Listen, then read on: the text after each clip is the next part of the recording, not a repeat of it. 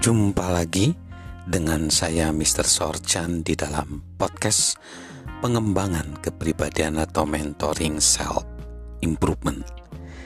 Kita membahas tentang membangun jiwa kepemimpinan dalam diri kita dan kita tiba di poin tentang pertumbuhan pribadi. Pertumbuhan pribadi adalah pengembangan kepemimpinan kita. Dan kita berbicara tentang pertumbuhan pribadi adalah satu-satunya jaminan membuat hari esok lebih baik. Nah, kita akan melihat bagaimana yang pertama kebiasaan pertumbuhan itu menguatkan harapan.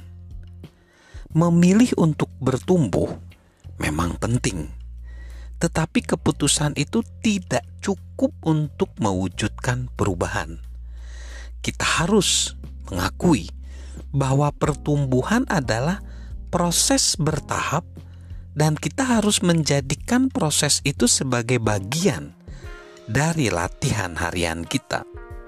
Artinya, kita harus konsisten membentuk kebiasaan pertumbuhan.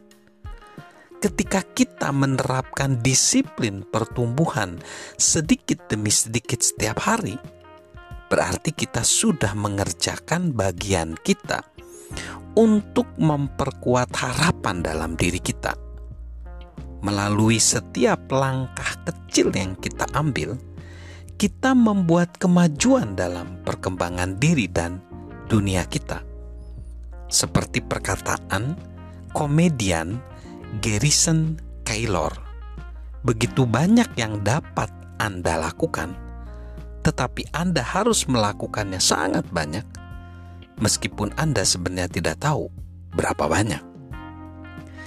Ketika kita bertumbuh, kita menggerakkan masa depan kita melalui setiap langkah menuju masa depan. Harapan diperbesar dan dikuatkan. Proses itu akan berkelanjutan jika kita menjadikannya pertumbuhan sebagai sebuah kebiasaan. Lalu, seiring waktu, pertumbuhan berkelanjutan akan mewujudkan harapan. Pertumbuhan dari waktu ke waktu membantu kita menghidupkan harapan. Ketika kita mengambil langkah pertumbuhan kecil setiap hari, maka seiring waktu kita akan melihat perkembangan. Jika kita konsisten mengupayakan pertumbuhan setiap hari, kita akan mulai berubah sebagai manusia. Kita menjadi lebih baik, lebih kuat, lebih terampil, atau mengalami perubahan positif lainnya. Dan setelah mengubah diri sendiri, kita dapat mengubah keadaan kita ini akan memulai siklus pertumbuhan positif yang menguatkan harapan kita, dan harapan memperkuat pertumbuhan kita.